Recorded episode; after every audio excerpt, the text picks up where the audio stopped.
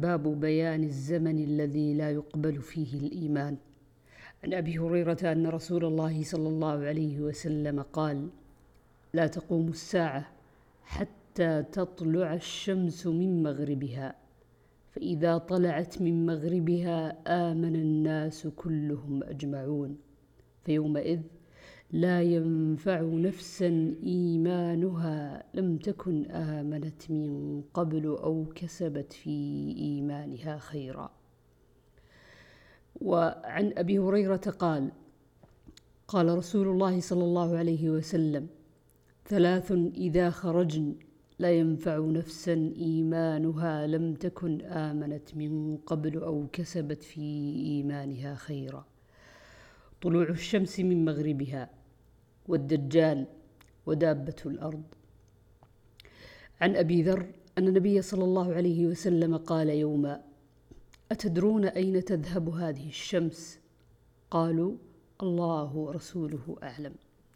قال إن هذه تجري حتى تنتهي إلى مستقرها تحت العرش فتخر ساجدة فلا تزال كذلك حتى حتى يقال لها ارتفعي ارجعي من حيث جئت فترجع فتصبح طالعة من مطلعها ثم تجري حتى تنتهي إلى مستقرها تحت العرش فتخر ساجدة.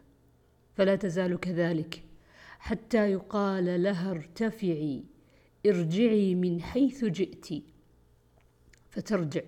فتصبح طالعة من مطلعها ثم تجري لا يستنكر الناس منها شيئا حتى تنتهي إلى مستقرها ذلك تحت العرش فيقال لها ارتفعي أصبحي طالعة من مغربك فتصبح طالعة من مغربها.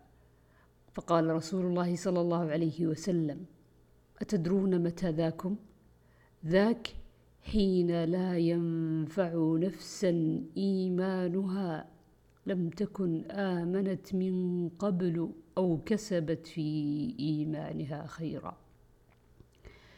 عن أبي ذر قال: دخلت المسجد ورسول الله صلى الله عليه وسلم جالس، فلما غابت الشمس قال: يا أبا ذر هل تدري أين تذهب هذه الشمس؟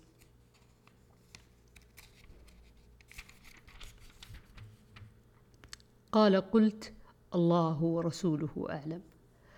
قال فإنها تذهب فتستأذن في السجود فيؤذن لها. وكأنها قد قيل لها ارجعي من حيث جئت فتطلع من مغربها. قال ثم قرأ في قراءة عبد الله وذلك مستقر لها. وعنه قال سألت رسول الله صلى الله عليه وسلم عن قول الله تعالى والشمس تجري لمستقر لها. قال مستقرها تحت العرش.